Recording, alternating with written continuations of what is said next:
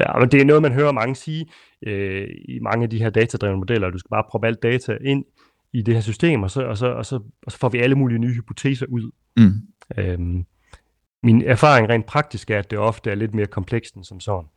Øhm, og, og de gode løsninger, de findes ofte ikke i de rene datadrevne ting. De, de findes der, hvor du kombinerer a priori viden, øh, mange års forskning, antagelser med elementer af maskinlæring, som kan, kan løse bestemte konkrete dele af et problem. Så, så ofte er det der, værdien skabes. I hvert fald når man opererer ind i sådan en øh, medicinsk kontekst, som vi gør.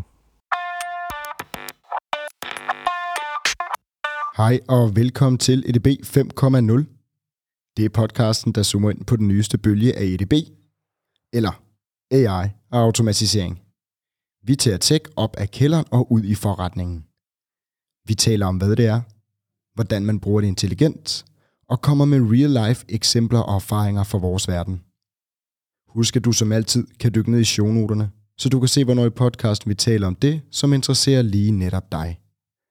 Har du derfor ikke tid eller lyst til at høre alt, kan du nemlig vælge, hvad du vil lytte til.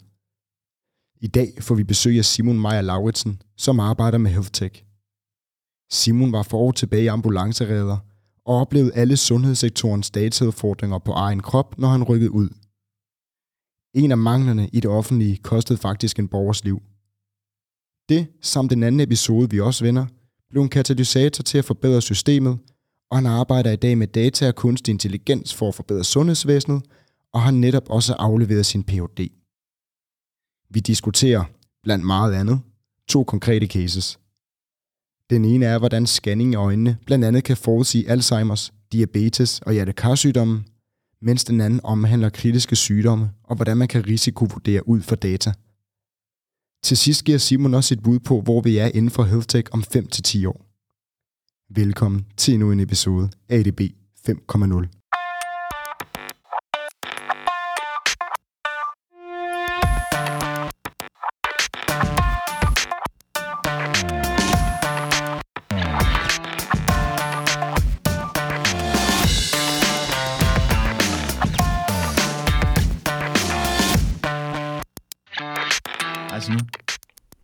Hej Mathias. Og, og velkommen til EDB 5.0. Tak skal du have. Simon, glad for, øh, glad for at komme. Jamen, øh, tusind tak. Eller, eller kom, vi sidder faktisk, øh, øh, vi taler over internettet. Ja, øh, her, kom ind i, øh, i det virtuelle rum, I har skabt her. stærkt, stærkt, ja. øhm, jamen, så, så velkommen til, til det virtuelle øh, EDB 5.0 rum. Øhm, tak. Øhm, Simon, kan du lige forklare os, hvem du er, og øh, øh, så må jeg måske næsten hellere lægge over og sige, hvorfor er det, vi sidder og taler sammen, og hvorfor er det, du er interessant for EDB 5.0? Det er næsten federe at høre, høre din pitch på det. Fedt. Jamen altså, øh, min pitch, jeg er mere altså, det er et godt spørgsmål. Den har du ikke forberedt mig på. ja, nej, det, det skal være, der skal jo være en lille smule element of surprise i det her. Ikke? Yes, jamen altså, øh, Simon, 35 år, far til tre børn, øh, tech-nørd, health-tech-nørd. Øh, jeg er civilingeniør i biomedicinsk teknologi, øh, har netop afleveret en Ph.D. i machine learning, og øh, ja, så er jeg ambulanceredder. Øh, og den kombination gør, at jeg, øh, at jeg arbejder ved øh, øh virksomheden, øh, der hedder Inversion, som arbejder med health tech, sådan sundhedsteknologiske løsninger. Og, øh, og der arbejder jeg både øh, med vores projekter, og jeg arbejder med at, bygge maskinlæring ind, eller machine learning ind i de her øh, forskellige produkter, som vi arbejder med. Og øh, ja, jeg ved ikke, om det i sig selv gør mig interessant, men... det, øh, i, I den her kontekst gør det jo. Øh, men, men, men Simon, jeg bliver simpelthen nødt til lige at, at, øh, at, at hoppe, hoppe ned i det, hvor du siger, at du er ambulancefører og har en Ph.D. i machine learning. Måske lige til at starte med, hvor mange andre i Danmark har den kombi? Det ved jeg faktisk ikke. Det er ikke noget, jeg har været inde på, øh, på dansk statistik og slå op, øh, og hvis man, hvis man kunne det, men jeg tror, jeg har ikke mødt andre i hvert fald. Det. jeg, jeg synes også, det lyder som en lidt unik kommen. Det, altså, det, det er min kant. Jamen, det er og virkelig specifikt. ja, så altså, jeg er gift med en, øh, med en læge også, så, så der er lidt mere sundhedskant den vej igennem. ja, okay. Men øhm, kan du ikke lige forklare, hvad, altså, hvad, hvad er din rejse ind, altså ind i det her været, hvis du er startet som ambulancefører, nu lige har afleveret din erhvervs i machine learning. Øh, det altså for mig er det ikke nødvendigvis to relaterede. Det passer så utroligt godt i krydsfelt lige her. Men, men, men er rejsen der? Ja, det, det er sjovt. I mit hoved, der har det været den, den lige vej. Det er bare, øh, det har, det, hver, hvert nyt trin har, har givet sig selv. Ej, jeg, jeg, startede, jeg startede for efterhånden mange år siden øh, som lærer øh, i, øh, i Falk, øh, op i Nordjylland, hvor, hvor jeg skulle være ambulanceredder. Og, og det var jeg i, øh, i en 4-5 års tid. Og, og i den periode, der, der bruger man jo rigtig meget tid på, på landevejen og ude ved, ude ved patienterne, øh, ude ved borgerne, og, og transporterer dem og behandler dem og får dem ind på sygehuset. Og, øh, og i, den, øh, i den tid, der havde, jeg, der havde jeg nogle forskellige oplevelser, som øh, på en eller anden måde gav mig øh, lyst til at dykke ned i en anden, øh, et andet perspektiv på sundhedsvæsenet, som er det mere teknologiske. Øh, ja, hvad var det for en oplevelse? Hvad, hvad, hvad er det, der, der skubber en ud af ambulancen og, og ned i kælderen? ud af borgerrummet. Og, jamen altså, øh, jamen altså, sådan helt konkret, så, så tror jeg, man kan nævne sådan to definerende øjeblikke, eller situationer, som i hvert fald, øh, som når jeg ser tilbage, har været med til at, øh, at forme, øh, forme min vej. Øh, det ene, der skete i øh, den ene episode, øh, skal jeg bare fortælle dem, eller? endelig, endelig kør, øh, ja. Nej, ja. Det er Vi kører lidt, ud af, lidt væk fra teknologisporet midlertidigt her. Men, det er fint, det er fint. Det er, det er altid interessant at høre om, hvordan, altså, hvordan, hvad folks rejse har været ind i teknologien netop, og fordi det giver os ligesom noget kontekst til, øh, til, til, til motivationen i hvert fald. Ja. Yes. Jamen, den ene, den ene episode, der var... Øh, der var jeg i øh, ambulancen øh, fra, fra en anden tur, og vi får et, øh, et opkald fra alarmcentralen om, at vi skal køre ind til, øh, til Midtbyen i Tisted, hvor jeg kørte på det tidspunkt op i Nordjylland. Og, øh, og meldingen var egentlig, at der var en, øh, der var øh, en, en mand, der var faldet om på, øh, på gaden øh, og, og var bevidstløs. Og, og det, det i sig selv udløser jo ofte sådan en formodning om, om hjertestop. Så, mm. så det var ligesom det, vi, vi forberedte os på på vej i bilen, og, og komme ud til den her mand, der står en, øh, en kødrand af mennesker rundt om, og, og nogle de øh, er gået i gang med, med noget, der måske mindede om noget hjerte-lungeredning, og var sådan lidt øh, i tvivl om, hvad der egentlig øh, skulle ske med ham her. Og vi kommer ud til ham, og... Øh, ja, og laver vores, øh, selvfølgelig vores indledende undersøgelser for at finde ud af, hvordan vi skal håndtere den her situation. Og, og efter noget tid, så viser det sig, at at, at den her mand har ikke noget hjertestop. Øh, han, han er simpelthen diabetiker, øh, altså øh, har sukkersyge, og øh, har, øh, har fået sådan det, man kalder et, øh, et diabetisk koma. Så, øh, så, så det, der virkeligheden skulle ske her, det var, at han skulle have noget insulin så hurtigt som muligt, så for at få øh, stabiliseret hans blodsukker, så skulle vi have ham ind til, til kontrol på sygehuset. Men og det, på mange måder er det jo sådan en, en, en tur, man forbereder sig på som, øh, som ambulanceredder, at det her det kan komme. Men da vi så kommer ind på sygehuset og snakker med, med klinikeren derinde, så finder vi ud af, at det her det er en, en, en patient eller en borger, som er kendt diabetiker, har jo haft den her sygdom siden, øh, siden vedkommende var, var helt ung. Og, og, og det er jo registreret i, i alle øh, de, øh, de IT-systemer, som der bliver brugt ind på sygehuset, den her man har, øh, har det her sukkersyge. Men fordi man ikke deler data øh, gjorde jeg i hvert fald ikke på det tidspunkt, så sidder vi blindet ude i ambulancen, og ved ikke, hvad det er, vi kommer ud til. Og i princippet, så kunne vi have forberedt os bedre og været meget hurtigere til ligesom at få givet den her patient noget, noget insulin, hvis ellers bare vi vidste, at det var en diabetiker, der var faldet om. Den, den vitale information kunne have, kunne have øh, en, ja, fjernet noget spildtid fra den her proces i hvert fald. Og jeg, jeg kunne mærke, at jeg, jeg blev både fascineret af, at, at vi registrerede det her data, og det var der, men også på en eller anden måde provokeret af, at vi brugte en masse tid på at registrere de her ting, men, men at det ikke var tilgængeligt der, hvor man havde brug for det, ude i marken, ude i ambulancen, og det var, senere fandt jeg ud af, at det ikke det er ikke noget, der gør sig gældende bare mellem sekundær sektor og så, øh, og så øh, det præhospital, det er også bare mellem primær sektor, altså ude med praktiserende læger og så inde på sekundær sektor på sygehusene, at, at der, der sker en meget lille grad af, af datadeling. Og der, der tror jeg, det begynder at gå op for mig, fordi man hører rigtig meget omkring digitalisering, og vi begynder mm. at få alle de her nye systemer, der lærer data. Men digitalisering og alt det her med at lære data på nye, smarte måder, det, det, er, sådan, det er i bund og grund bare et potentiale, så, som kan realiseres. Øh, men hvis ikke du anvender de her data øh, smart, både i præsentationen og visningen i systemer, men også i delingen og applikationer ovenpå, så er det, så er det, så, så er det bare et potentiale, der ikke er blevet realiseret. Så det der så, med, så, man, Man skal gøre data tilgængeligt der, hvor data skal bruges, og hvor data kan give værdien. Det er ikke nok bare at have det, det er ikke nok bare at sidde og mine det. Det handler om at få skubbet det derud, hvor det skal leve. Lige præcis. Og, og, og den, den slags episode jeg havde nogle flere af, men jeg kan, jeg kan huske den her som sådan et def, definerende øjeblik for mig om, at der var et eller andet her, der vagt min interesse. Ja, det, det, det lyder måske meget kedeligt at, at begynde at interessere sig for datadeling, men, men det var i hvert fald det, der skete. Det, begyndte, det, det vagte et eller andet i mig, det her med, at, vi, at der var de her muligheder for at bruge de her data, men de blev ikke brugt. Og hvad årsagerne så var til det, skulle jeg så senere finde ud af, at det var alle mulige åndssvage juridiske øh, øh, udfordringer, i hvert fald åndssvage ud fra mit perspektiv, som, som, som jeg synes, vi burde kunne løse i forhold til, hvad det er, vi kan opnå ved at bruge de her data på tværs af sektorer, på tværs af systemer. Så det var, det var i hvert fald den ene episode. Det, her, det er ikke sådan konkret noget med maskinlæring. Jeg er ikke engang sikker på, at jeg vidste, at maskinlæring var noget, der fandtes på det her tidspunkt. Men, men måske men jeg bare i højere grad en eller anden form for altså digitalisering og at gøre tingene øh, tilgængelige. Præcis. Lige præcis.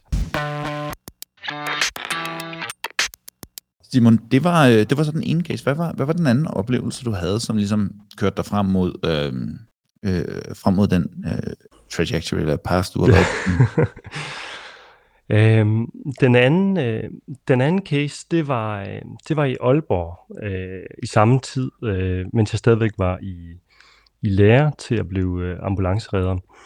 Og der, øh, der blev vi kaldt fra stationen af ud til øh, egentlig ikke så langt, øh, så langt væk øh, til en til en ung øh, mand, som var kørt på en knallert, og, og som anseligt var, øh, var styrtet på en eller anden måde, og det var det eneste, vi vidste. Og da vi så øh, kommer ud til den her unge mand, så, øh, så klager han sig over øh, smerter i højre side af, af kroppen nede ved maven, og, øh, og vi får undersøgt dem, og det der er sket, det er, at den her unge mand er, er kørt ind i sådan en parkeret øh, reno, renovationsvogn, altså en murvogn. Sådan selve ladet har han ramt med højre side af kroppen. Mm. Og, og egentlig ellers øh, stabil, og vi får, vi har ham i ambulancen, når vi kommer ind til sygehuset, og jeg får lov øh, i den sidste del af min læretid at varetage øh, selve øh, vurderingen af ham og overleveringen ind på sygehuset, og, og det, det var sådan en, en større ting for mig, fordi det, det betød, at jeg var ved at, at være der, hvor jeg, hvor jeg ligesom kunne, kunne have noget ansvar.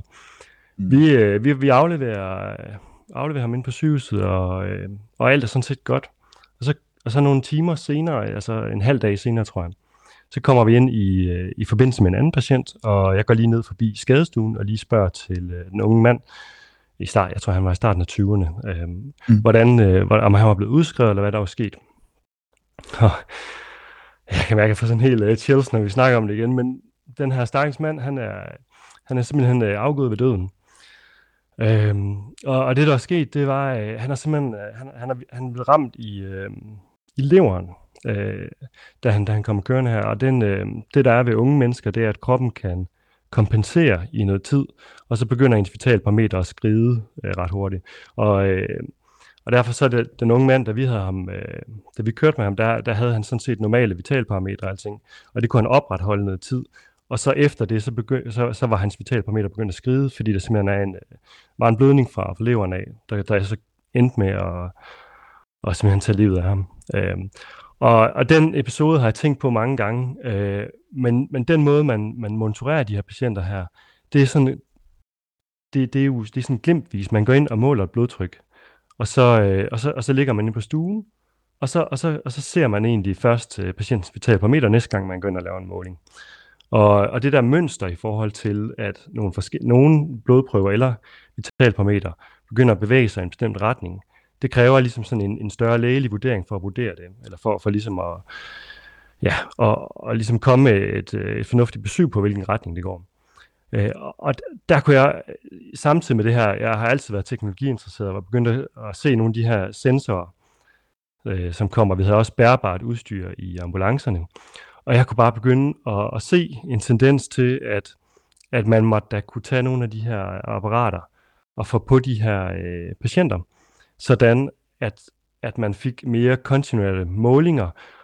Øh, og, og det skulle så senere vise sig i min karriere, at det var noget af det, jeg kom til at arbejde øh, meget mere med, øh, og simpelthen putte øh, put maskinlæring oven på de her øh, målinger ud fra øh, hospitalet af, for at opspore øh, kritisk sygdom eller skred i parametre, som, øh, som fører til ja, at patienter bliver i risiko for eksempelvis at, at dø. Øh, så, så, så den, den, sidder, den sidder fast i mig, den episode, og er stadigvæk en, en, en motivationsfaktor øh, den dag i dag. Kunne det have reddet hans liv? Det, det tænker jeg, det, det har jeg spurgt mig selv om mange gange. Øh, og det, det er jo mm. svært at sige, fordi nogle af de her nogle af de her patienter, der kompenserer på den her måde, der går det så stærkt, at der ikke er noget at gøre.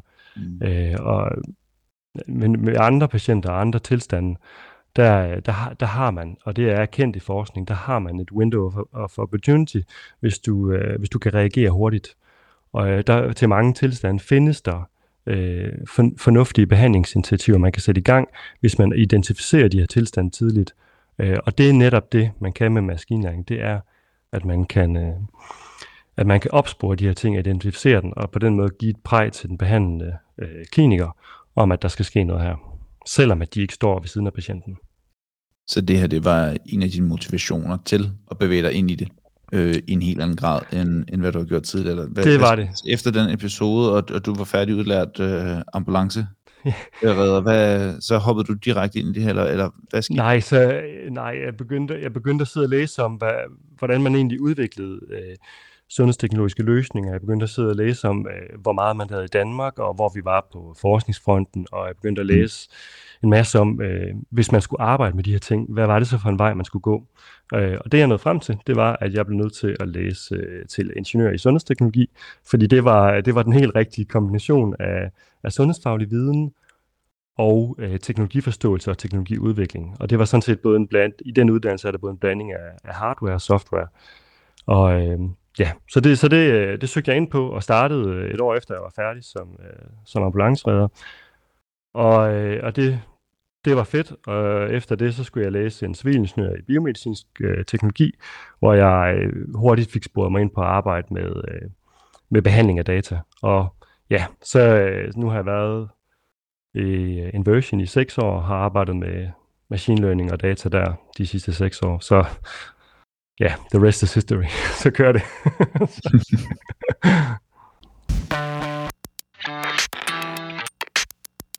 Simon, det vil sige, vi nu, øh, vi ved, du arbejder med machine learning, og du gør det på øh, øh health data. Øh, vi kan også øh, forstå, hvorfor øh, at det er så vitalt vigtigt, øh, og hvad det egentlig kan gøre forskel, og måske endda en meget personlig historie og motivation for, hvordan, øh, øh, hvordan din rejse ind i det har været. Kunne du prøve, at, før vi ligesom dykker ned i nogle af de sager, eller nogle af de ting, du rent faktisk laver, øh, kan du prøve at forklare os, hvad du tænker intelligent automatisering som i den her sammenhæng? Ja. Øhm, jeg, ser, jeg, ser, jeg ser sådan set, øh, altså automatisering, det er, det er et spektrum, det er ikke sådan en binær størrelse. Så i, når man er, det er nok det samme i de fleste øh, brancher, de fleste domæner, men jeg ser det som sådan en, øh, et spektrum, hvor du, øh, hvor du kan bygge noget, som i, i den, øh, den aller yderste øh, ene fløj er, er fuldautomatiseret, så der bygger du noget, som, øh, som fuldstændig autonom varetager en eller anden øh, proces eller opgave. Øhm, og i den anden ende af skalaen, så, øh, så, så laver du et eller andet, hvor du præsenterer noget, noget information og, øh, og er beslutningsunderstøttende, men egentlig ikke rigtig går ind og, øh, og fjerner noget arbejde eller varetager nogle processer. Og det er jo typisk, øh, når man arbejder ind i health tech-området, som jeg gør, så arbejder du også under sådan øh, alt det, du laver, det skal ud og blive C-godkendt i det, sådan, i det, det regulatoriske apparat. Og der, derved så, så, så betyder det rigtig, rigtig meget, hvorhen øh, på det her spektrum man lægger sig, om man er understøttende og, og ligesom viser noget information til nogle klinikere, eller om man ligesom går ind og siger, den her proces, den tager vi, den, øh, den varetager vi 100%. Øh, et eksempel, øh, som ikke er konkret i forhold til det, øh, jeg personligt laver, det, det er eksempelvis øh, røntgenscanninger, som, øh, hvor øh, der har været mangel på radiologer, altså de her, den her lægespecialisering, dem der sidder og afkoder de her røntgenbilleder, når man tager den. Og, og der har man lige, der, der er danske virksomheder, udenlandske virksomheder, som, som, som bygger øh, algoritmer, som går ind og, og laver de her rapporter øh, af røntgenbilleder, analyserer det og fortæller, hvad er der på det her billede, og så, øh, så kører måske sådan en batchkørsel om natten, og så ligger der rapporter klar næste dag. Øh, det, det er sådan et eksempel på fuldstændig automatisering, hvor, hvor man kan sige, hvad får man ud af det? Jamen, hvis der ikke er, hvis der ikke er ressourcer nok til at, at klare de her opgaver, så, så, så får man i hvert fald øh, ja, så får man de her ressourcer gennem øh, en maskine i stedet for. Øh, og derudover så kan der også være nogle side effects af det her, som øh, kan være en mere ensartet måde at rapportere fund på billeder og forskellige andre ting. Men, men det er sådan ligesom et eksempel på, hvor man, hvor man automatiserer en proces fuldt ud. Mm.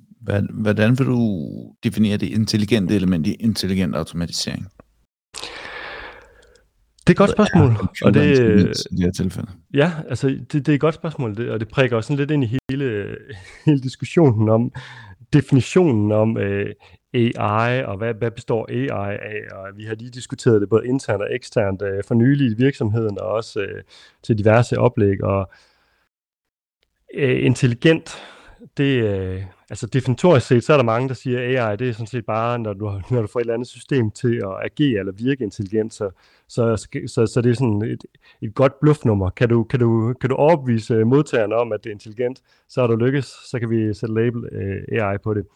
Når, når det så er sagt, så, øh, så er det jo typisk, de her systemer er typisk en, en blanding af at være nogle machine learning modeller, og så nogle RPA-processer eller nogle regler, som orkestrerer og styrer øh, hvad der skal ske før og efter sådan en model her. Så det intelligente aspekt i det, det vil jo typisk være den del af systemet, som er trænet på data, og som, øh, og som varetager sådan en proces, øh, sådan en, en machine learned proces, eller hvad man skal sige.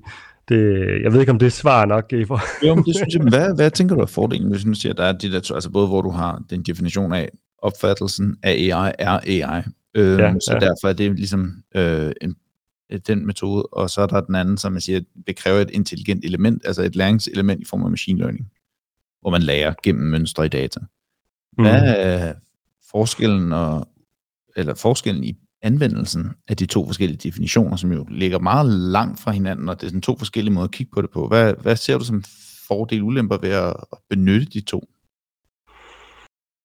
Jamen egentlig, så, så tror jeg, at at jeg, jeg, se, jeg ser egentlig det, det større fordel og ulemper, det ved jeg ikke, men jeg, det, det, der, det, der kan være ulempen ved at bruge termer omkring altså kunstig intelligens og, og på en eller anden måde øh, bidrage til at, øh, at få det til at, at, at virke som noget, som er intelligent, hvor det i virkeligheden er en mappingproces mellem X og Y, som det mange gange er, øh, så kan det give øh, den forkerte opfattelse øh, for slutbrugerne eller øh, modtagerne af anden art. Øh, og det, det kan nogle gange, i hvert fald i mit domæne, øh, være, være det, der ligesom vækker interesse i starten, for det er noget nyt, det er intelligent, det er smart. Men det er også det, der gør, at, at implementeringsprocessen måske og de juridiske processer kan, kan blive voldsomt kompliceret, fordi i virkeligheden så er det bare tale om nogle øh, parameterjusteringer og nogle, øh, ja, nogle fittede modeller, og i virkeligheden ikke et større kognitivt system, som, øh, som forstår verden. Simon, kan du så prøve at komme med nogle af de eksempler på um, nogle af de løsninger, du sidder og arbejder med i, øh, i hverdagen, øhm, og, og hvilke problemer det er, de løser? Yes, det øh, altså Inversion, vi er jo sådan en, øh, en sundhedsteknologisk virksomhed, som, øh, som forsøger at kombinere øh, data science og design, og, altså, så, så brugersiden fra user experience og user interfaces og design med uh, data science, og så, og så gerne også med en kommersiel vinkel, for ellers eksisterer man jo ikke som, uh, som virksomhed. Mm. Øhm, og så, så, så de projekter, vi har gang i, det, det er noget, hvor vi forsøger at, at, at løse nogle reelle problemer uh, i sundhedsvæsenet sammen med klinikere, Øhm, men, men gerne nogle løsninger, hvor vi, kan, hvor vi kan tilføre det her intelligente nu har vi lige været lidt rundt om definitionen mm. af det så, men i hvert fald nogle, øh, nogle machine learning, data science elementer, og hvor vi kan tage dem og så designe dem på en måde, så de skaber værdi for, for slutbrugerne. Øhm, nogle konkrete eksempler på det, det, øh, det kan være, øh, det kan være, ja, nu nævnte jeg lidt om kritisk sygdom før, og det, mm. jeg, jeg er så heldig at, at have fået lov til at arbejde videre med det, øh, både før min erhvervs og øh, under min erhvervs og nu, hvor den er afleveret, så også efter min erhvervs -PhD. Så det er helt tilbage til episoden i Aalborg, der egentlig stadigvæk motiverer og... Den, den, kører, den, den kører videre, ja, det gør den. Og, øh, ja. og i det konkrete øh, projekt, der, øh, der, der gør vi egentlig det, at, øh, at vi tager alle de data, der bliver registreret i øh, de elektroniske patientjournaler og i de laboratoriesystemer, der, der findes i, øh, på sygehusene, og, øh, og så tager vi og kombinerer dem, Og, og så bygger vi nogle øh, maskinlæringsmodeller, som, som hele tiden forecaster øh, på baggrund af de øh, målte informationer på, øh, i løbet af indlæggelsen, og øh, hvad risikoen er for at udvikle bestemte kritiske tilstande inden for x tid. Så øh, det kunne eksempelvis være øh, tilstanden øh, sepsis, som hvis det også blev kaldt øh, blodforgiftning engang, som, som er sådan en, øh, en tilstand, der egentlig starter med en infektion i, i kroppen, og så kan, kan sætte gang i sådan en, øh, en frygtelig kaskade, øh, der fører til organsvigt og død, hvis, hvis, øh, hvis man er uheldig. Men den eksempel, eksempel der, der, der tager vi ligesom og kigger på, på blodprøverne, vitalparametrene, og så, og så prøver vi at fremskrive, hvad risikoen er for at udvikle sepsis inden for eksempelvis 6, 12 eller 24 timer. Og, og det gør vi for ja, forskellige kliniske tilstande. Vi gør det for, for lungesvigt, vi gør det for nyresvigt, vi, øh, vi har for, sådan forskellige outcomes. Så i bund og grund, så, øh, så, så, så er det ligesom øh, forskellige modeller, som alle sammen kigger på de her parametre, og så øh, og som putter, eller putter data ind, øh, output data ind i det samme sådan system. Okay, kan du lige for, for at hjælpe os øh, til at forstå det lidt, hvad kunne for eksempel være et input-parameter, der kan hjælpe, øh, prøv at komme med et input-parameter til nogle af de output øh, du lige har beskrevet det. Hvad kunne for en lægmand, der måske ikke er så øh, Øh... Beklager, det bliver hurtigt meget indspist der. Ja, øhm, når jeg siger vitalparametre, så, øh, så, så er det fordi, at man rigtig hyppigt på, på sygehuset måler øh, blodtryk, så det er systolisk og diastolisk blodtryk, og det er, hvor mange gange trækker du vejret per, øh, per minut, og det, det kan være, hvor stor en øh, iltprocent har du i dit blod, og det kan være øh, din temperatur, Derudover så har man også alle de her forskellige blodprøver, som der bliver registreret. Det kan fx være noget, der siger noget om ens øh, infektionstal. Øh, det kan være, der siger noget om øh, ja, forskellige andre øh, processer, der foregår i kroppen, uden at gå for meget i dybden med dem. Og, og den måde, det egentlig foregår på, det er, at man har sådan en, tids, sådan en multivariat tidsserie, så du har forskellige øh, parametre. Det kan være øh, 20, 30, 40, mange forskellige parametre, det kan også være tusindvis. Øh, men, men det vi er konvergeret imod, det er, at det giver bedst mening at bygge modeller i nærheden af 20-40 modeller omkring kritisk sygdom i hvert fald. 20-40 modeller? Nå, undskyld. 20-40 parametre. yes, okay. Ja, 20-40 parametre som input, og så, så kommer det med en prediction omkring ja, bestemt. Ja, og egentlig så er det en tidsserie, så, så vi, vi, vi opererer med sådan et observationsvindue tilbage i tid. Så hvis mm. du mhm. til, til, til kl. 12 vil lave en uh, prædiktion, så, så, så kigger vi på, hvad der registrerer tid, af forskellige parametre i, de, i, i tiden op til kl. 12. Det kan være de, de seneste 12 eller 24 timer. Og så har du ligesom en tidsserie af, af de her 20-40 forskellige parametre. Og på baggrund af, af tidsudviklingen af de her forskellige parametre, der kommer vi så med en forudsigelse om øh, risikoen for eksempelvis øh, sepsis inden for 12 timer. Okay, cool. For for eksempel at øhm, komme med nogle af de der, altså hvad du sagde, det var nogle kritiske lungesygdomme, det kunne være, øh, øh, det kunne være sepsis, det kunne være, hvad, hvad, hvad er nogle af de sådan, stærke prædiktorer for, eller inputparametre, der kan være med til at forudse nogle af de her ting? Har du sådan en, en, en jeg beder ikke om et en til en, altså, den her værdi af det her, så, øh, så så, så, men kan du prøve lige sådan at, at, unpack lidt af, at, at det, det lægevidenskabelige, sådan, så vi kan mm. prøve at forstå noget af, hvad er det, som machine learning-modellen hjælper til at forstå? Ja, absolut. Det, det er jo sådan i, i, i sådan nogle modeller her, at, at der er jo både øh, modellens øh, værdi, og så er der jo øh, samspillet, så interaktionen mellem forskellige øh, parametre, men så er der også den tidslige, øh, altså den temporale komponent i det her, så at man, man ligesom ser på øh, et, et eksempel på, i forhold til sepsis, det kunne være respirationsfrekvensen, det er en, øh, altså hvor mange gange du trækker vejret per, per minut. Det er en meget stærk øh, predictor for, øh, for at udvikle sepsis. Men respirationsfrekvensen i sig selv øh, er jo ofte ikke nok. Øh, men respirationsfrekvensen koblet sammen med den tidslige udvikling af øh, den her, altså selve par, udviklingen af den her konkrete parameter, og så eksempelvis sammen med øh, en biomarkør fra øh, altså en blodprøve, som fortæller noget om, om der er infektion i kroppen. De to ting til sammen, de har så en interaktionseffekt. Øh, så det vil som, sige, hvis, øh, handler det om, hvis man trækker vejret hurtigere end ens normale udgangspunkt? Ja. Eller, eller langsomt? Ja. Hurtigere. Så det vil sige, i bund og grund, hvis der kommer en blodprøve tilbage med et højt infektionstal, samtidig med, at min respiration er gået op i forhold til, hvad min baseline var, Lige præcis. Så vil det være en predictor i store træk. Altså. Ja, fuld, fuldstændig. Og så samtidig med, at du, du måske har en, en, en stigende temperatur, og måske har fået feber, øh, og har i øvrigt øh, en, øh, en, syre, en syre-base-balance i, i kroppen, som også begynder at skride. Eller du har noget, ja, så kombinationen af det billede der. Og det er jo egentlig det, vi træner modellen i. Det er, det er i bund og grund det, det samlede kliniske billede. Genkende det der blueprint for, at der vil ske noget, der ikke skal ske.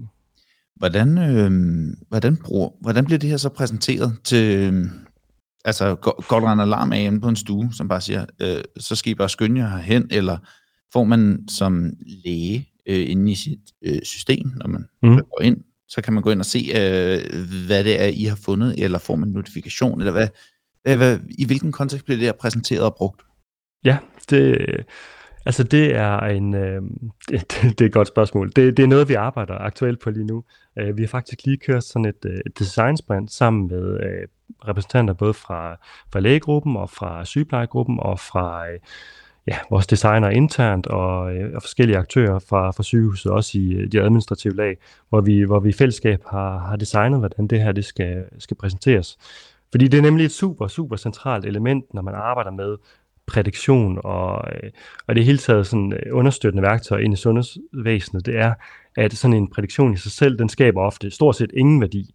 Fordi det, det viser alle studier i hvert fald, at du kan forudsige et eller andet, og så kan du godt sætte en eller anden øh, sandsynlighed på det, men fordi personalet har så travlt derude, og de får så mange forskellige alarmer, så hvis ikke du tager mere i hånden end det, så, så, så kan du se på de sådan, øh, lodtrækningsforsøg, du, du kan lave, hvor du undersøger effekten og sådan ting, at så sker der ingenting. Så det så vi arbejder rigtig meget. Grund, hvis, der, hvis der nu, altså du er på en skadestue, og der kommer en eller anden alarm op med, der er 1% sandsynlighed for, at ham her, han dør inden for den næste time, så er det ikke nødvendigvis den patient, der ryger øverst i køen, eller, eller hvad er eller forrest i køen? Nej, og selv, selv, selv nej, og jeg tror også, at det er svært, det er svært at handle, handle på det der. Altså så, mm. så, så hvis, ikke, at du, hvis ikke at du tager modtageren lidt mere i hånden og designer, øh, designer til den kontekst og de arbejdsgange, de opererer i, så, så, så viser historikken bare, at så bruger folk ikke de her ting. Så bliver det gadgets og gimmicks, som ligger på hylden i stedet for. Hvad er så, øh, så, så hvad gør man?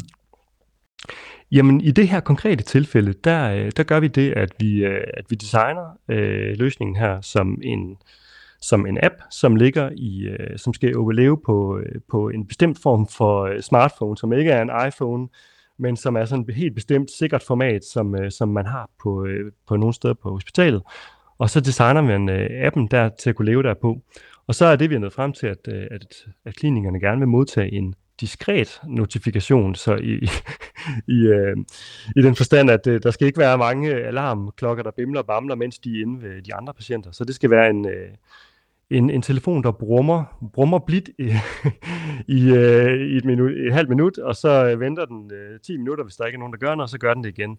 Fordi selvom de her ting skal gå stærkt, så skal man også have respekt for, at, at øh, det her personale, der skal bruge det her, de knokler og har travlt i alle mulige andre sammenhænge. Så du, og de har, de har mange systemer, der bimler og bamler i forvejen. Så i det her tilfælde, der, der gør vi simpelthen det, at vi, vi brummer i lommen, og når man tager tid på vej ud fra stuen eller et eller andet til at tjekke, hvad det er for noget, så, øh, så tager vi den her øh, prædiktion og præsenterer den, fortæller klinikeren, hvor er det, øh, alarmen hører, i, hører i, eller hvor er den her patient, som øh, alarmen øh, handler om, hvor, hvilken seng ligger den konkret i, på hvilken stue, og er det, er det sepsis, så øh, hvor stor en sandsynlighed er det for, for sepsis. Og hvis man så trykker på den notifikation, så vil man få, øh, få præsenteret øh, det datagrundlag, som ligger til grund for sådan en prædiktion her, samt øh, det, man også kalder attribution eller explainable AI, en form for forklaring for, hvorfor modellen tror, at den her patient kommer til at udvikle den her tilstand her. Og, øh, og så, kan, så kan klinikeren kvittere for det her, og så vil alarmen forsvinde fra de andre øh, devices rundt på øh, hospitalsgangen, og, øh, og så vil man, øh, vil man på den måde øh, få attention i en travl vagt. Det er typisk noget, vi designer til vagttid, det vil sige uden for for dagsperioden, hvor der er meget personale, men til, øh, til et sygehus, som er mere tomt for personale, måske om aftenen eller om natten, hvor du har rigtig mange patienter som, som lægelig bagvagt, og, og hvor du ikke kan være... Øh, hvor du ikke kan være 10 steder på en gang. Og på, så på den måde er det her et værktøj til at rette fokus derhen, hvor det er, er vigtigt lige nu. Cool. Øhm, lige for at dykke ned i noget af det, som du øh, nævnte der, øh, explainable AI. Øh, hvordan øh, præsenterer man øh, for en læge, for eksempel, mm-hmm. øh, at øh, I kommer frem til, at der er 80% øh, risiko for, at den her patient inden for de næste to timer udvikler. Hvordan bliver øh, den der gennemsigtigheden ja. i, i modellen og, og den måde, man præsenterer data på, hvordan gør man det?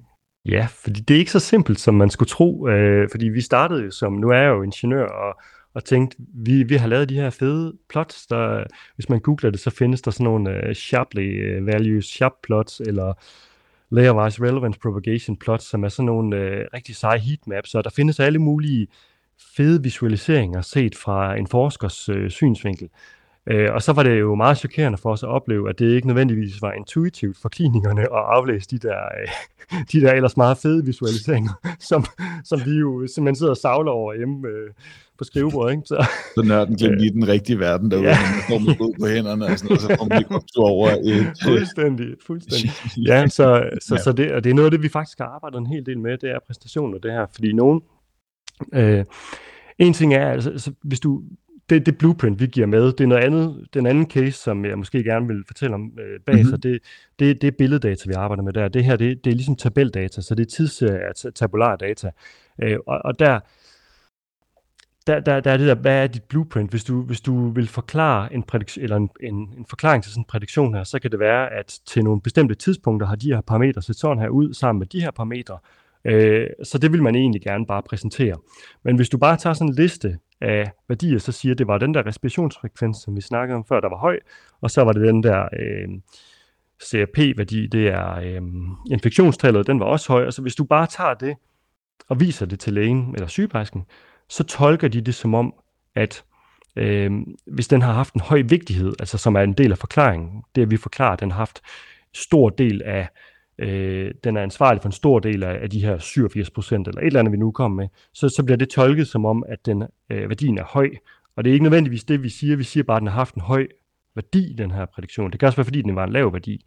Så, øh, og, og når du siger, at det har en høj værdi i en prædiktion, betyder det så, at det, det har været et af de parametre, der har rykket nålen mest? Ja, lige præcis. Øh, ja. Lige præcis. Øh, og lige præcis det aspekt der, det fandt vi ud af, det, at der, der, det er bare skabt til misforståelse, fordi du kan godt have øh, en parameter, der er drivende netop for en given prædiktion. Og så har den jo en høj rangering på sådan en, en liste af vigtige parametre, men det betyder ikke nødvendigvis, at den parameter var, var høj. Det kan også være det, at den i det eksempel øh, her var, var, var lav, eller den var middel. Det var underligt i lige det her konkrete tilfælde. Øh, så så, så der, der er bare en hel masse forvirring der. Noget af det, vi har så arbejdet med, det er netop, hvordan skal det her præsenteres? Skal det være på listeform? Skal det konverteres til tekst? Øh, mm. hvordan, hvordan fordøjer du den her information? Og det er faktisk meget, meget case-specifikt øh, og afdelingsspecifikt og faggruppe-specifikt, hvordan du skal konvertere de her explainable lister øh, til en menneskelig forklaring. Tilfældet der, det kunne være, at det var både infektionstallet, og det var ens respiration, der kunne øh, forudse øh, sepsis, øh, og så vil man, når man får præsenteret den data, så kunne det jo, så en vigtig, et vigtigt parameter var så, at sige, det var faktisk, øh, selvom respirationen ikke er steget med meget mere end 5% i forhold til baseline, mm. jeg ved ikke lige, om det er rigtigt, men, men selvom det kun er 5%, det virker ikke så meget. Men det er i virkeligheden det, der rykker hele nålen, fordi det, øh, det var et af de, de helt stærke parametre. Så selvom hvis man bare kigger på data rent, så var det ikke det, der gjorde den store, øh, så ser det ikke så voldsomt ud, men det er i virkeligheden det, der er den største øh, faktor. Er det rigtigt forstået? Ja, det kunne det sagtens være. Det er, jo, det er jo i tilfældet, hvor der er en interaktion, der betyder meget, så, så mm. værdiens, øh, eller den absolute størrelse på en eller anden parameter, er ikke nødvendigvis det drivende, men interaktionen mellem den og en anden parameter er det drivende. Og ja, så er man jo udfordret, hvis man skal, hvis man skal forklare det. Og, det, og i nogle tilfælde, der, der, der tror jeg, det bedst skal give mening at forsøge øh, med nogle øh, helt nye øh, visualiseringer af de her ting, eller mm. simpelthen at kon- konvertere det her til, til tekst. Og det ved jeg, der, der, der er flere andre virksomheder, der også arbejder med at, at konvertere de her øh, forklaringer til tekstuelle forklaringer, som vi mennesker opfatter. Det er bare ikke altid lige sundhedsvæsenet, at du har tid til at læse en eller anden prosaberetning omkring noget. Der skal du bare lige have nogle, nogle parametre øh, præsenteret hurtigt. Simon, du, du nævner, at det, det her det var, en, det var, det var, det var en case. Øh, du har også arbejdet med en lang række andre cases. Øh, du nævner også, at det her det var tabulære data, og du kunne så også nogle gange have noget med altså en anden type data. Kan du, lige, kan, kan du prøve at flyve os ind i en, uh, i, en alternativ case her? Yes, vi, øh, vi, har, vi har en case, hvor vi arbejder med, med billeddata. Og helt konkret, så det, det kliniske case, det er, at man har den her sygdom, der hedder AMD, som står for aldersrelateret makuladegeneration. Det er en øjensygdom, øh, og det er faktisk den, øh, den, den hyppigste årsag til, øh, til blindhed i, øh, i de sådan udviklede lande. Og øh, det, er, det, det er lidt hæftigt, når man kigger på det sådan i tal, så det, det er næsten omkring øh, 200 millioner mennesker, der lever med den her sygdom, og på grund af den ja, demografiske udvikling, som, øh, som der bliver snakket meget om, så forventer man, at det faktisk stiger med 70 procent frem til, til 2040. Øhm, og, øhm, hvorfor, og, hvorfor kan man forvente det? Hvad er, det, det, hvad er årsagen til det her? Til, til, til, den, til den demografiske udvikling? Nej, til, ja, fordi jeg tænker, der må være en sammenhæng mellem, hvad er det, der er årsagen til AMD, ah, og så ja. sammenhæng derfra så, til den demografiske så udvikling. Den, den helt klare sammenhæng til den demografiske udvikling her, det er, at det er en sygdom, der primært rammer øh, de ældste borgere i samfundet. Så, så i takt med, at vi lever længere, så er der også flere, der lever lang tid nok til at få den her tilstand. Modtaget.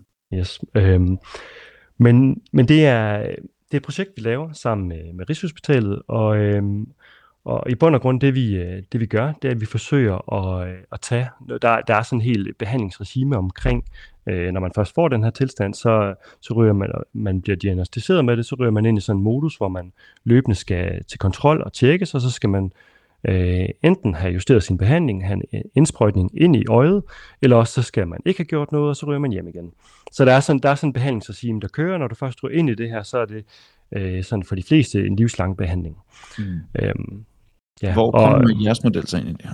Ja, det gør, det gør det ved, at, øh, at, at den scanning, man laver, som er, øh, som er en, af, en af de sådan ligesom primære ting, man bruger til at vurdere, om det går godt med den her behandling, om man skal justere behandlingen, det er, det er sådan en scanning, der hedder en OCT-scanning.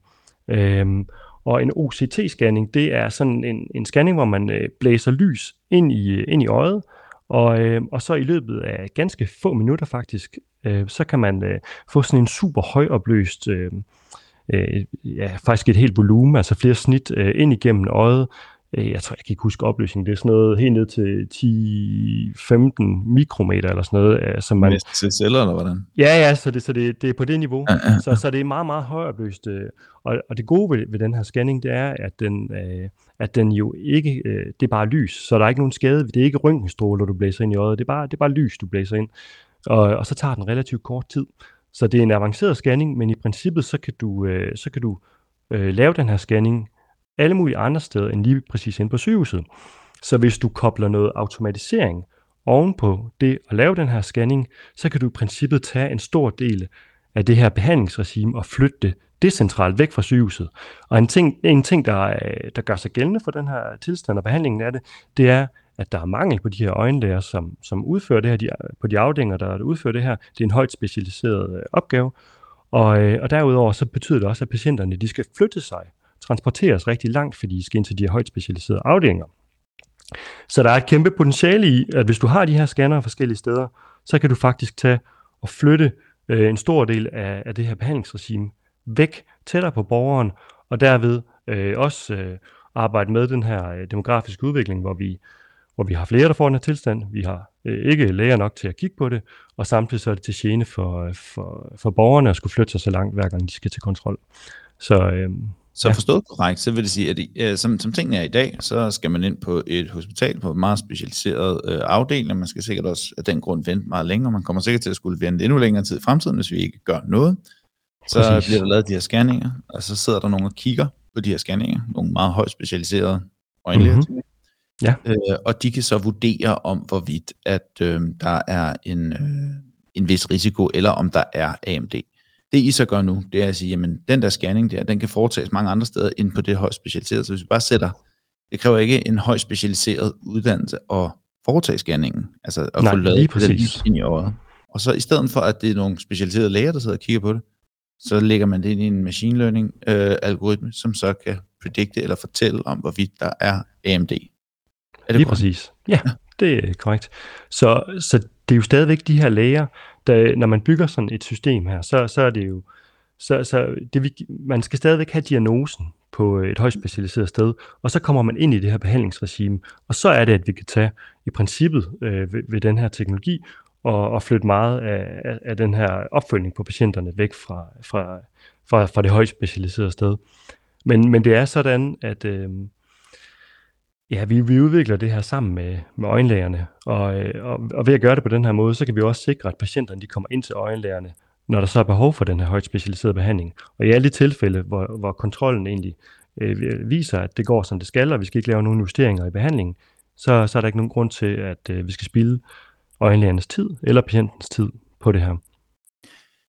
Giver den, kan den samme data bruges til, til noget andet end blot til for eksempel at predikte AMD, eller kan man bruge de samme scanninger til, til øvrige øh, det ved jeg ikke, forudsigelser eller, øh, eller diagnoser?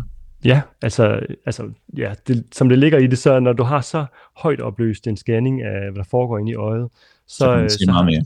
så kan man sige rigtig mange forskellige ting. Og det, og det, det er jo det, der er så fascinerende ved de her øjenscanninger, fordi det, øjet i princippet er sådan ligesom en port til også at forstå alle mulige andre mekanismer i kroppen. Når du, når du, øh, når du, når du scanner øjet med den her opløsning, så kan du også kigge på, du, på, øh, på blodårene i øjet, som er en proxy for kardiovaskulære sygdomme. Du kan, Kardiovaskulær. Kan, kan du lige ja, så, så det er hjertekarsygdomme, og altså så, så sygdomme, der, øh, ja, som på en eller anden måde øh, manifesteret i, i blodbanen i kroppen. Ja. Mm-hmm. Øhm, og og der, der er simpelthen studier, der viser, at når man, øhm, at når man, når man kombinerer de her øh, højtopløselige scanninger øh, med alle mulige andre data, om, eksempelvis om, om folk de vil udvikle Alzheimer's sygdom, altså demenssygdom, øh, og alle mulige andre, øh, altså for eksempel de der kardiovaskulære sygdomme, så kan man faktisk bruge de her billeder til øh, at screene for meget mere end bare øjensygdomme. Øh, så det, det er klart også noget af det perspektiv, vi kigger ind i i fremtiden omkring det her, det er, hvis du i Danmark kan kombinere, vi har rigtig, rigtig mange gode data i Danmark fra vores registre på, hvad, hvad det er for nogle diagnoser, patienterne fejler, øh, og, og hvordan det er gået, hvilke behandling folk har fået. Og hvis du kan kombinere det med de her øjenscanninger, så kan du jo faktisk træne nogle modeller, hvor dit input er det her 3D-volumen, men dit output, det kan være alle mulige forskellige ting, som, som ikke lige nødvendigvis er en øjensygdom, men du bruger men du bruger øh, i, i træningskonstellationen, der har du koblet dem sammen. Og det betyder jo, at når du så har trænet den model, så kan du faktisk anvende den et sted, hvor du ikke har alle de her øh, muligheder for at kombinere de her spændende data, som du, som du har i Danmark. Fordi så behøver du bare input data, og så kan du sådan set køre inferens eller køre en prædiktion afsted på, på data, øh, som, som kan, som, hvor man kan forestille sig, at man kan løfte screeningen øh, for, for forskellige tilstande til et helt nyt niveau, og gøre det et andet sted end på hospitalet. Gøre det eksempelvis ude ved optikeren. Simon hører dig så også sige, at altså, en ting er, at man kan altså, decentralisere det, og man kan køre det ud til, til meget lavere specialiserede områder, fordi at man lægger meget af det, der kræver specialet ind i en algoritme. Betyder det også, at man kan eksportere det her? Altså, sådan, så man kan udvikle det i Danmark, og så, øh, øh, så vil det også virke i Sverige og i Norge. og i Kina, og nu, skal jeg, nu skal jeg passe på, hvad du siger. Det er, når, når, når du ligefrem siger, om det virker, fordi det, det er jo et af de helt store springende punkter i forhold til øh, altså skalerbarheden af den slags øh, trænede modeller her. Det, det er jo noget, man ser i litteraturen i sundhedsvæsenet også, og, og det er jo også et område, hvor, hvor Google har været inde og operere, og de, øh, de publicerede faktisk en artikel øh, for et par år siden, jeg kan ikke huske præcis hvor lang tid det er siden, omkring det her, hvor de har, har trænet nogle af de her øh, OCT-modeller, og så har flyttet dem til et andet sted øh, i Asien, tror jeg det var, øh, hvor, øh, hvor de havde en meget sådan ærlig artikel, der, for, der ligesom fortalte om alle de her forskellige udfordringer. Fordi en ting er, at du jo ansynligt har en model, der kan generalisere på tværs af af genetisk sammensætning, forskellige, øh, forskellige steder i verden og sådan noget, isoleret mm. set. Det er så en ting. Det, det ved man ikke som sådan, om det øh, om, om, øje, om øjne på tværs af nationaliteter osv. er ens nok til, at, at man kan gøre det her. En anden ting er jo, at, at procedurerne omkring at lave de her scanninger og, og øh, scannerfabrikanterne og alle de her ting kan være forskellige, øh, forskellige steder i verden. Så det er klart, at når man begynder at snakke generalisering af de her ting på tværs af nationaliteter, på tværs af landegrænser og alt sådan noget, så, øh, så, så er det, det er jo klart det, man, man som kommersiel virksomhed stiler efter, og, og, og kunne tænke skalering, skalering ind i det her. Men det er også der, hvor man virkelig begynder at ramme nogle udfordringer, som man skal tage hånd om. Og ikke kun på et teknisk plan, men i særlig høj grad også på et organisatorisk øh, implementeringsplan. Simon, kan vi lige prøve at poppe the hood en lille smule på, når du sidder og du får sådan nogle øjenscanninger der. Lige nu så forestiller jeg mig, at du sidder med sådan et 3D-billede, du sidder og øh, kører rundt om ind på, ind på skærmen, eller måske sidder du med din VR-briller og zoomer på det på øjet, eller et eller andet den retning. Ja. Kan du lige forklare mig, hvad det, hvad det er, I gør med de her data? Hvordan, hvordan håndterer man sådan noget billeddata? Hvad er udfordringen ved det, og hvordan har I håndteret de udfordringer?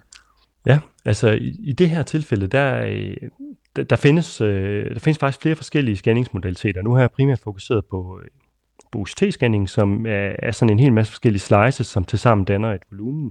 Men der er også noget, man kalder visus-scanninger, som, er, som egentlig bare er sådan nogle snit igennem øjet. Og, og det vi faktisk gør, det er, at vi, øh, vi bruger faktisk både øh, den ene og den anden scanningsmodalitet, og kombinerer dem med sådan nogle, øh, ja, sådan nogle kombinationsneurale netværk, hvor vi, hvor vi har multiple input. Og så, øh, så, så er det sådan, at vi igennem det, den ene del af, af de her øh, neurale netværk håndterer de her forskellige snit, vi har, som, som 2D, øh, som 2D-billeder, og så har, vi, øh, så har vi også en gren, som ligesom får de her 3D-volumen øh, ind som input. Og øh, ja, de, der er masser i det her, jeg ikke må sige, øh, i forhold til at afsløre arkitektur øh, ting og sager, men, der, men, men jeg kan sagtens afsløre, at at vi jo også opererer med, med mange af de arkitekturer, som øh, altså se, klassiske CNN-tankegang, øh, convolutional net-tankegang, som jo er øh, de facto den bedste måde at gribe de her øh, billeder- og volumenproblemer an på. Simon, øh, hvordan er forklaringen, øh, hvordan forklarer man øh, eller laver gennemsigtighed i den sådan model, på sådan et, på sådan et, ja. et CNN? Jamen altså, øh, det findes der forskellige teknikker til, så, så, så hvor teknisk øh, skal, skal det svar være? Jamen, øhm, på sådan et øh, konceptuelt hvis, jeg, hvis, siger, eller sådan. hvis jeg nu siger, at jeg giver dig et minut til at forklare det, så teknisk okay. du kan. okay, yes. Øh, ja, så, så den måde, vi, øh, vi bygger forklaringer ind her, det, det er, at vi, øh, fordi det er nogle store, tunge netværk, det her, så, øh, så bruger vi teknikker, som, som opererer lag på lag, det vil sige tager det output, den sandsynlighed, vi får ud gennem det sidste lag, og propagerer den lag på lag gennem modellen tilbage til vi, eller helt tilbage, så vi, så vi ligesom rammer input. Man kan også bruge en anden type af forklaringsmodeller, som, som laver små ændringer i input data for ligesom at generere sådan en forklaring. Det er det, man typisk øh, kender som SHAP. Det, det tager simpelthen for lang tid i, i de her eksempler, så vi, så vi bruger det, den anden teknik, som er noget, som baserer sig på en teknik, der hedder Layerwise Relevance Variance Propagation, P. Øh, og på den måde, så tager man i bund og grund de her 87% output i sidste ende, for at du har øh, sygdomsaktivitet i din AMD, og så bliver den øh, kørt igennem alle de forskellige af de her lag, der nu er det neurale netværk, hvor i sidste ende, så, øh, så bliver det ganget på inputlaget som sådan et slags heatmap. Øh, så forklaringen her er i bund og grund bare et heatmap på de respektive input, volume eller øh, slices, øh, som viser, øh, hvad var det i input data, som øh, gjorde, at den her model tror, øh, at der er sygdomsaktivitet i AMD'en. Og det vil så vise sig som eksempelvis sådan en, en, øh, en markering eller en farve eller et eller andet på, på bestemte dele af billedet. Okay, så, så hvis jeg lige skal prøve at, at, at tale den tilbage til dig, så vil det sige, at de vægtninger, der ligger i de forskellige noder i jeres neurale netværk, ja. øhm, bliver ekstraheret, og så bliver de lagt oven på billedet i form af sådan et heatmap, hvor man siger, at man, der hvor den lyser allermest rødt, eller hvad vi nu ender med at kalde det, der hvor firkanten, ja så vil man kunne indramme og sige, men det er det her, der har gjort, det er det, der har trigget flest neuroner igennem hele jeres, eller de største vægtning af neuroner, eller hvad man ja, sige. lige præcis. Det er derfor, det er det her, vi kigger på, så det er jeres forklaringsmodel. Ja, og så, så kan man jo øh, diskutere, er det, så, er det en forklaring bare at pege et bestemt sted på et billede? Heldigvis så kan vi se, at, øh, at i de, de modeller, vi har arbejdet med indtil videre, der har vores, øh, den måde vi har, du kan lægge nogle forskellige regler ned over de her, den måde du propagerer øh, din, øh, dit output ind igennem lagene, afhængig af om du, om du søger at få en forklaring, der er mere fokuseret eller mere spredt ud. Og vi er mest interesserede i nogle forklaringer, som, som, som er mere fokuseret, så vi får nogle lidt hårdere aftegninger på de ting, der har betydet mest. Og når man, øh, det kan du styre med de forskellige regler, du lægger ned i den her LRP-propagering. Og, og der har vi været relativt øh, eller heldige med, at, at når vi lægger det ned over de her modeller, så får vi nogle ret markerede aftegninger af, hvor det er, øh, der er noget, der betyder noget. Øh, og det, det, er i sig selv, eller det har i sig selv været en ret sjov proces. Øh, vi havde en episode, jeg var ikke selv med til det, men da vi, da vi trænede nogle af de første modeller, og, øh, og vi byggede det her øh, explanation element i, så, øh, så var der nogle af klinikerne, der sagde, det er simpelthen sjovt det der, fordi det er relativt ny viden, det er lige kommet ud i litteraturen, at man skal kigge ned i de der dybere lag, og ikke kun op i de øverste lag, når man skal vurdere den der bestemte sygdomsaktivitet. Og det var lige præcis de der dybere lag, som den her model kiggede ned i. Så det, det er ikke skabt det simpelthen. Ja, det var, det var super. Der sidder forsket i mange, mange år. ja, præcis. Så det, det er jo sådan et eksempel på, hvor, hvor modellen i princippet kunne have været hypotesegenererende. Så, så du, du, du, du får den til at pege et sted, og så, så viser du det til, til klinikerne. Siger, og så kan de bekræfte... Den, det, det har jeg aldrig tænkt. Ja, præcis. Og så kunne, så kunne det måske være input til, til et nyt studie, der skulle undersøge noget. I det her tilfælde, der var det så bare noget, der var blevet undersøgt, så de kunne bekræfte og sige, jamen det er ny viden, det bekræfter den nye viden, der er kommet. Ja. Så kan det så være, hvis vi skal have en mesa-hypotese på det, om at øh, jeres må, måske, ja, I måske har lavet en, øh, en model, der kan være hypotesegenererende. Den hypotese er så bekræftet. ja, det kan vi godt sige. ja, men det er noget, man hører mange sige øh, i mange af de her datadrevne modeller. Du skal bare proppe alt data ind i det her system, og så, og så, og så, og så får vi alle mulige nye hypoteser ud. Mm. Øhm, min erfaring rent praktisk er, at det ofte er lidt mere komplekst end som sådan. Øhm, og, og de gode løsninger, de findes ofte ikke i de rene datadrevne ting. De, de findes der, hvor du kombinerer a priori viden, øh, mange års forskning, antagelser med elementer af maskinlæring, som kan, kan løse bestemte konkrete dele af et problem. Så, så ofte er det der, værdien skabes. I hvert fald når man opererer ind i sådan en øh, medicinsk kontekst, som vi gør. Simon, øh, hvad har din største sådan, læring i hele det her forløb været fra øh, at stå som ambulanceredder øh, til at få skrevet din erhvervsbøtte i i machine learning, og, og rent faktisk lave nogle af de her altså sindssygt fede øh, modeller, som nu så også er hypoteseskabende. Hvad, hvad har du lært af det? Det har været de vigtigste takeaways. Ja, de vigtigste takeaways. Det vil jo nok, nu spørger du mig lige i dag, og hvis du spurgte mig for et år siden, så vil jeg sige nogle andre ting. Mm. Det er jo en lang rejse, man er på, og øh, den stopper aldrig. Det, nu er det lige en, en PhD nu, og så er det sikkert noget, noget andet en gang øh, om, om 10 år. Øhm, jeg tror lige nu, der, der er jeg et sted, hvor, hvor jeg, jeg kom fra en, en klinisk øh, baggrund, og så, øh, og så blev jeg fuldstændig forgabt i, i de tekniske ting. Og, øh, og, så, og så kom jeg fra universitetet ud i en virksomhed, og, øh, og der gik det op for mig, at, øh, at man kunne ikke øh, kode sig ud af alting. Øh, og det, det, det tror jeg, det tror jeg, det er der, jeg er lige nu, at, at det der med det tværfaglige, og, mm. og selv, selvom du er verdensmester i at, at bygge de allerbedste modeller, så, øh, så kan det være fint nok øh, i nogle tilfælde, rent forskningsmæssigt måske, men hvis du skal ud og flytte på noget i virkeligheden, ud og ramme nogle brugere, så, øh, så kan man simpelthen ikke løse det hele ved at, at, at kode. Så, så det der med at finde de rigtige konstellationer, tværfaglige konstellationer, hvor der er øh, folk, der forstår brugerne, altså UX-design-ressourcer, men også særligt de kommercielle ressourcer. Fordi hvis der ikke er nogen, hvis, hvis du forstår at markedsføre dit produkt, hvis ikke du forstår at ramme et segment og ramme det rigtige problem og også få det solgt, så er der heller ikke nogen, der får gavn af det produkt. Mm. Så det der med faktisk at få, at få, oh, øh, at få, øh, at få tænkt de, de rigtige tværfaglige teams op fra starten af, når man engang sætter de her projekter, så man løser de rigtige problemer og, øh, og, og ligesom også tænker markedet ind og afsætning ind og bæredygtigt produkt ind, det, det har været den sådan, største øjenåbner for mig, tror jeg, i nyere tid, øh, at, at det er en nødvendighed at tænke på den måde. Man kan, ikke, man kan simpelthen ikke komme ud og flytte på noget, hvis du bare øh, er, er en, der sidder og koder, uanset om du laver verdens mest lækre model, fordi det, det er enormt tilfredsstillende at, at holde sig på den den boldbane, hvor man er safe, den tekniske boldbane. Mm. Men man bliver nødt til at, at arbejde ekstremt tværfagligt, øh, hvis, hvis man vil lykkes med de ting her. I hvert fald i sundhedsvæsenet. Simon, hvor er alt det her, du sidder og laver, hvor det henne om 5-10 år? Hvor, hvor er vi på vej hen med machine learning inden for healthcare data?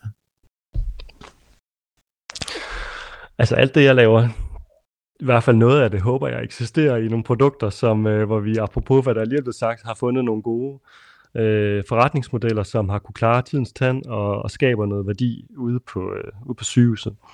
Eller ude ved, ved borgerne. Øh, jeg, jeg tror, hvor, hvor vi er på vej hen, øh, jeg, jeg tror, at kombinationen af, af mange af de her nye devices, vi ser øh, i uger, og altså forskellige devices, der kan, der kan måle data, øh, på dit håndled eller øh, alle mulige steder. Også væk fra sygehuset, ja. ja, ja, ja lige, der kommer lige smartwatch op her. Men mange af de her devices, der er jo sket en vanvittig udvikling med dem. Så, så det her med at optage data, øh, der, der, der eksploderer det bare i forhold til, hvad, hvad, hvordan det så ud for 10 år siden. Og kombinationen af at kunne optage alle de her nye datapunkter med nye sensorer, og kombinationen af at kunne gøre det sammen med at kunne analysere data automatiseret med maskinlæringsalgoritmer, det er simpelthen et vanvittigt potentiale, som er med til at på en eller anden måde demokratisere noget af sundhedsvæsenet, fordi du tager nogle af de her hyperspecialiserede ting. Tag eksempel med øh, EKG, altså der er jo snart ikke en af de nye smartwatches, som ikke kigger efter øh, det her atrieflimmer, i forekommerflimmer i hjertet. Det var jo en, en hyperspecialiseret opgave for år tilbage, en kardiologisk, altså sådan en hjertelægeopgave. Nu ligger det, det er jo ikke hele hjertelægen, du har nede på håndledet, men du har jo en del af den, af den, af den konkrete opgave taget ned der. Og jo flere af de her øh, teknologier, vi får, hvor vi får bygget konkrete modeller til forskellige områder og putter dem ned på de her devices, så, så får vi altså på en eller anden måde demokratiseret noget af den her specialistviden ud til den enkelte borger. Og så kan man sige, at det er jo noget andet, end, end det vi gør eksempelvis i, i, øh, i, i projektet med kritisk sygdom, hvor, hvor, hvor det er meget inde på sygehuset. Men der har jeg da også en vision for, at det projekt, det, at vi, vi inden længe skal begynde at koble mere sensordata på, så, så den der øh, strøm af data ikke kun er, når der er en eller anden sygeplejerske, der går ind og indtaster noget, øh, et, et, et blodtryk eller et eller andet, men at vi har, vi, vi har et konstant stream af data. Og, og når du først har det, hvad, hvad, hvad skulle der så være i vejen for at sende patienter hjem tidligere fra sygehuset med telemonitorering? Fordi det er de samme alarmersystemer. Så kan du på dit øh, overbliksbillede, øh, der kan du både se de patienter, der er liggende inde på stue øh, 2 og 3, inde på medicinsk afdeling, og så kan du se dem, der ligger til hjemmeindlæggelse, som også bliver monitoreret. Og, og det, det er jo bare et aspekt. Så er der alt det tidlige opdagelse af forskellige tilstande, som vi har, øh, fordi at du øh, har den øh, telefon, du har, eller den, det ur, du har, og, og får alle mulige øh, capabilities øh, til at opdage ting via det. Det potentiale i at kunne dem- demokratisere og, og også altså, decentralisere, øh, det, det synes jeg er fuldstændig vanvittigt. det, det må jeg sige. Fedt. Jamen, øhm, jeg synes, det lyder som en øh, fantastisk øh, fremtid, og i øvrigt måske også en fremtid, som, øhm, som kan hjælpe mod nogle af de der ting, som der også har gjort, øh, eller mod nogle af de episoder, som der har gjort, at du kommer ind, eller at du valgte at gå ind i, i, i det her felt. Øh, og så kan man vel forhåbentlig på et eller andet tidspunkt øh, trykke øh, mission accomplished, i hvert fald til en vis grad, øh, når der ikke er nogen, der skal ud i samme situationer.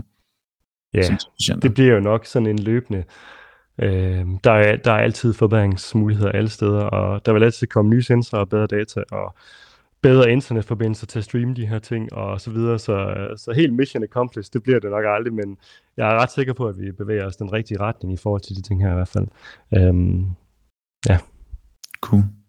Simon, tusind tak, fordi du ville være med i dag. Det var en uh, fornøjelse at høre på dig, og uh, jeg synes, det er fantastisk, at der sidder nogen som dig og hjælper med at redde liv derude. Uh, så uh, tusind tak. Jamen tak, fordi jeg måtte komme og, og dele nogle af alle mine historier og tanker her. selvfølgelig, selvfølgelig.